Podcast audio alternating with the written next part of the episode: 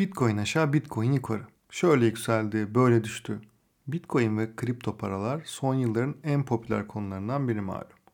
Bir yanda Bitcoin ve blok zincir teknolojisi dünyayı değiştirecek diyenler, bir yanda da bunlar balon, yakında patlar diyenler.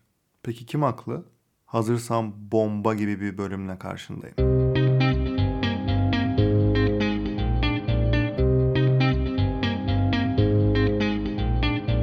Merhaba, ben Hakan Şık. Fikrin ne kadar önemli ve aslında ne kadar da önemsiz olduğunu konuşacağımız podcast serisi Bedava Fikre hoş geldin.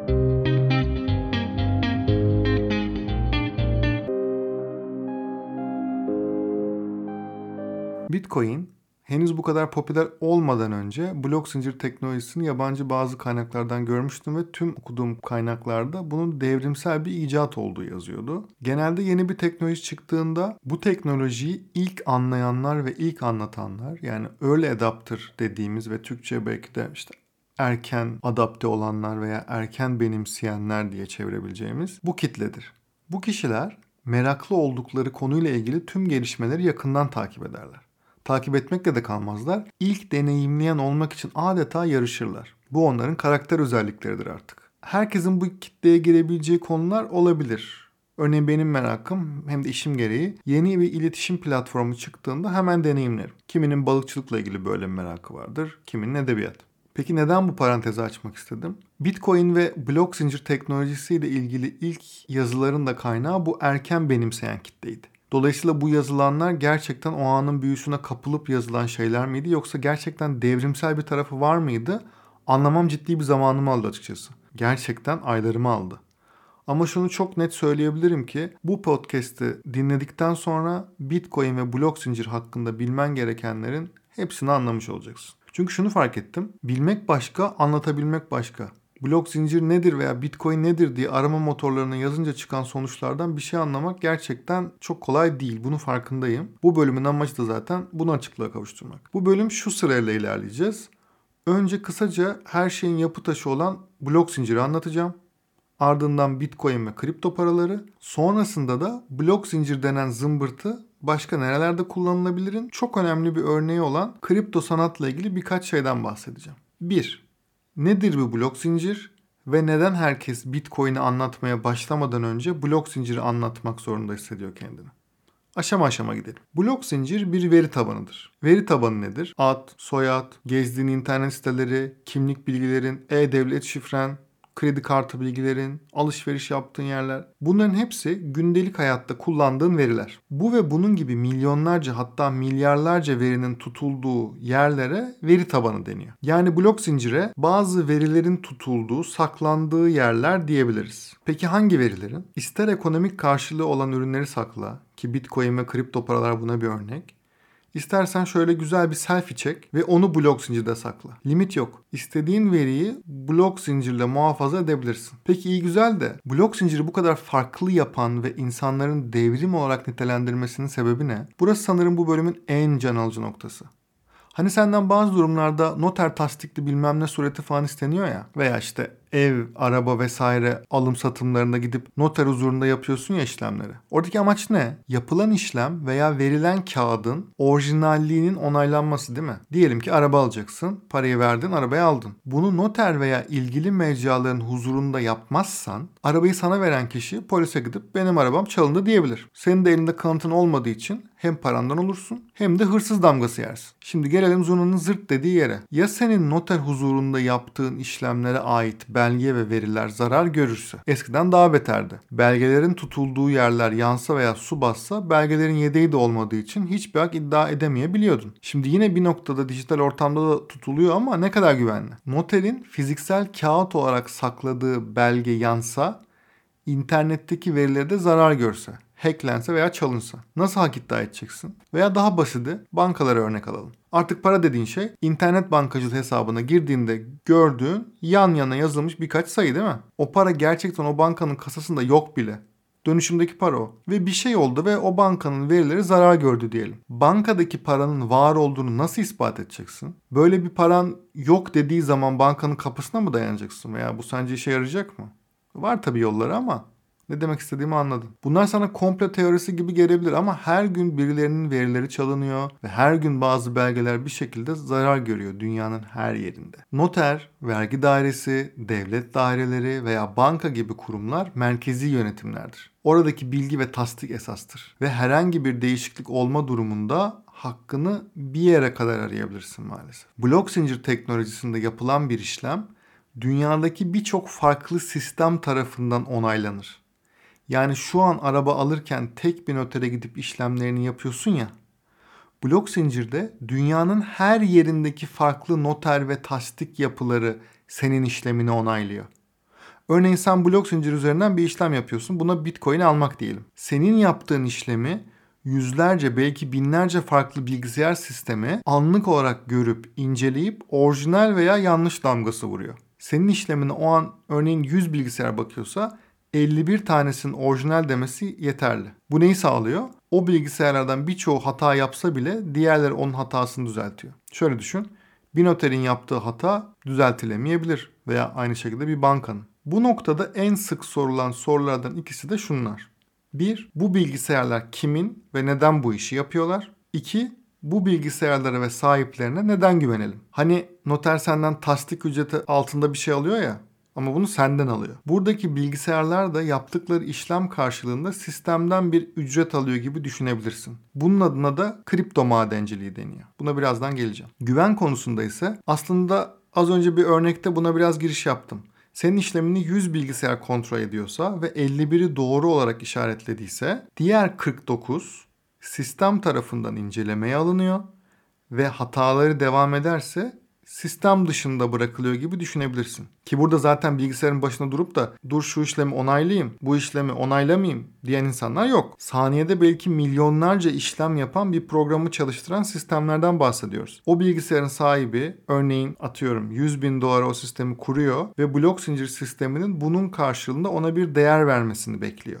Buradaki değerden kastım maddi tabii. Yani bir kripto para. Toparlarsak blok zincir yapısı dünya çapındaki noterlerle işlem yapmak isteyenleri bir araya getiren ve tek bir merkeze bağlı olmayan tamamen anonim bir veri tabanıdır. 2. Nedir bu kripto para ve bitcoin? Az önce bahsettiğim bir bilgisayar sistemi kurup, noter olup, kripto para madenciliği yaparak ekonomik bir değer, örnek olarak bitcoin kazanmayı altın madeni işletmek gibi düşün. Araziyi alacaksın veya kiralayacaksın denetleneceksin, uygun alet, edevat ve makineleri alacaksın ve sonunda satılabilir bir ürün olarak altın elde edeceksin. Veya bu altını elde etmenin diğer bir yolu ne? Kuyumcuya gidip o altını almak değil mi? Aynı benzer mantıkta kripto para pazarlarından Bitcoin ve diğer kriptoları da satın alabiliyorsun. Aynı altın gibi artık Bitcoin ve diğer kripto paralarında bir piyasa değeri var. Aralarındaki tek fark ise güven unsuru. Yani altın yüzyıllardır bir takas ve değer aracı olarak kullanıldığı için insanlar tarafından daha fazla güveniliyor ve değer artışı ve düşüşleri çok daha az oluyor. Ama Bitcoin ve diğer kripto paralar çok yeni olduğu için değer artışı ve yükselişleri de çok daha fazla tabii Burada Bitcoin'in mucidinden de bahsetmek gerekebilir ama genelde gereksiz yere kafa karıştırdığını düşündüğüm için sadece ismini söyleyeceğim. Eğer merak edersen girip araştırabilirsin. Bitcoin'in mucidi kağıt üzerinde Satoshi Nakamoto. Ama tabii ki bu kadar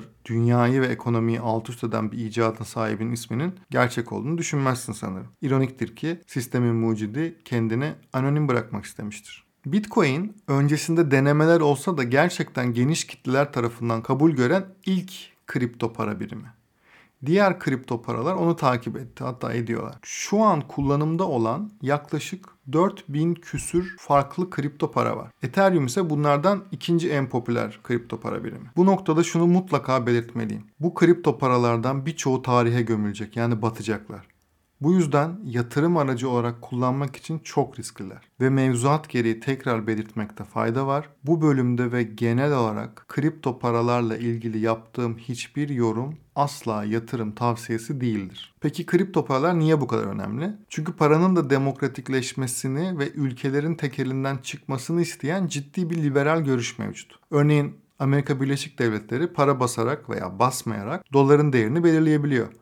Kripto paralarda bu teorik olarak mümkün değil. Yani anlayacağım Bitcoin kendine rakip olarak Amerika Birleşik Devletleri dolarını görüyor. Bitcoin ile ilgili bilmen gerektiğini düşündüğüm birkaç şey daha var. Şu an dünyada toplam 18 küsür milyon adet Bitcoin var ve toplam oluşturulabilecek maksimum Bitcoin adedi 21 milyon. Ama aradaki fark kolay kapanacak sanma. Logaritmik olarak arttığı için 21 milyon Bitcoin'e ulaşmak 2140 yıllarını falan alacak. Bitcoin'i saklamanın iki yolu var. Biri online yani internet üzerindeki pazar ve cüzdanlar. Diğeri ise USB'ye benzeyen offline ve internetle hiçbir bağlantısı olmayan soğuk cüzdan olarak adlandırılan cüzdanlar. Bitcoin çok yüksek bir şifreleme sistemiyle korunuyor ve örneğin soğuk cüzdanlarda 12 veya 24 farklı kelimeden oluşan bir kod sizin ana şifreniz oluyor. Eğer bu şifreyi kaybederseniz geçmiş olsun. Cüzdan şifresini unuttuğu için 127 milyon dolarından olan milyonerler mevcut. Yani ciddiye almak gerekiyor. Bir diğeri de cüzdan sahiplerinin kim oldukları bilgisine cüzdan sahibi hariç kimse ulaşamıyor. Ama herhangi bir cüzdandan diğerine ne kadar kripto para aktarımı yapıldığını bütün dünya anlık olarak görüyor. Yani örneğin biri 1 milyar dolar değerindeki kripto parayı başka bir yere aktardığında bütün dünya bundan anlık olarak haberdar oluyor. Sadece kimin kime gönderdiğini bilmek mümkün değil. Bu durumu dolar için düşünelim. Biri 1 milyar dolarını başka bir kişiye gönderdiğinde bunu kim görüyor? Evet, sadece bankacılık sistemindeki büyük şirketler ve devletler. Kripto para bu merkeziyetçi kontrolü devlet ve kurumlardan aldığı için devrimi olarak adlandırılıyor. 3. Peki bu blok zincir sadece para için mi kullanılıyor? Kripto sanat ve NFT yani NFT nedir? Bu sorunun cevabı hayır olduğu için blok zincir teknolojisi büyüktür kripto paralar diyebiliriz. Bu madde seni etrafındaki birçok insandan sanırım bilgi olarak daha ileri taşıyacak. Çünkü NFT yani NFT denen şey için profesyonel olarak çalışan çok az insan var. Bunlardan biri de benim. Maalesef üzerine çalıştığım tüm projeler gizli olduğu için detay veremiyorum şu an ama dediğim gibi burada vereceğim bilgilerin sana başka bir kapı açmasını umarım. Blok zincir kullanarak nasıl kripto para oluşturabiliyorsak aynı şekilde kripto sanat da oluşturabiliyoruz. Burada mevzu biraz değişiyor tabi. Yani Bitcoin tek bir ürün ve bu ürünün adedi üzerinden bir piyasa oluşurken sanatta ise her şey kendi içerisinde biricik diyebiliriz. Kısaca şöyle düşün.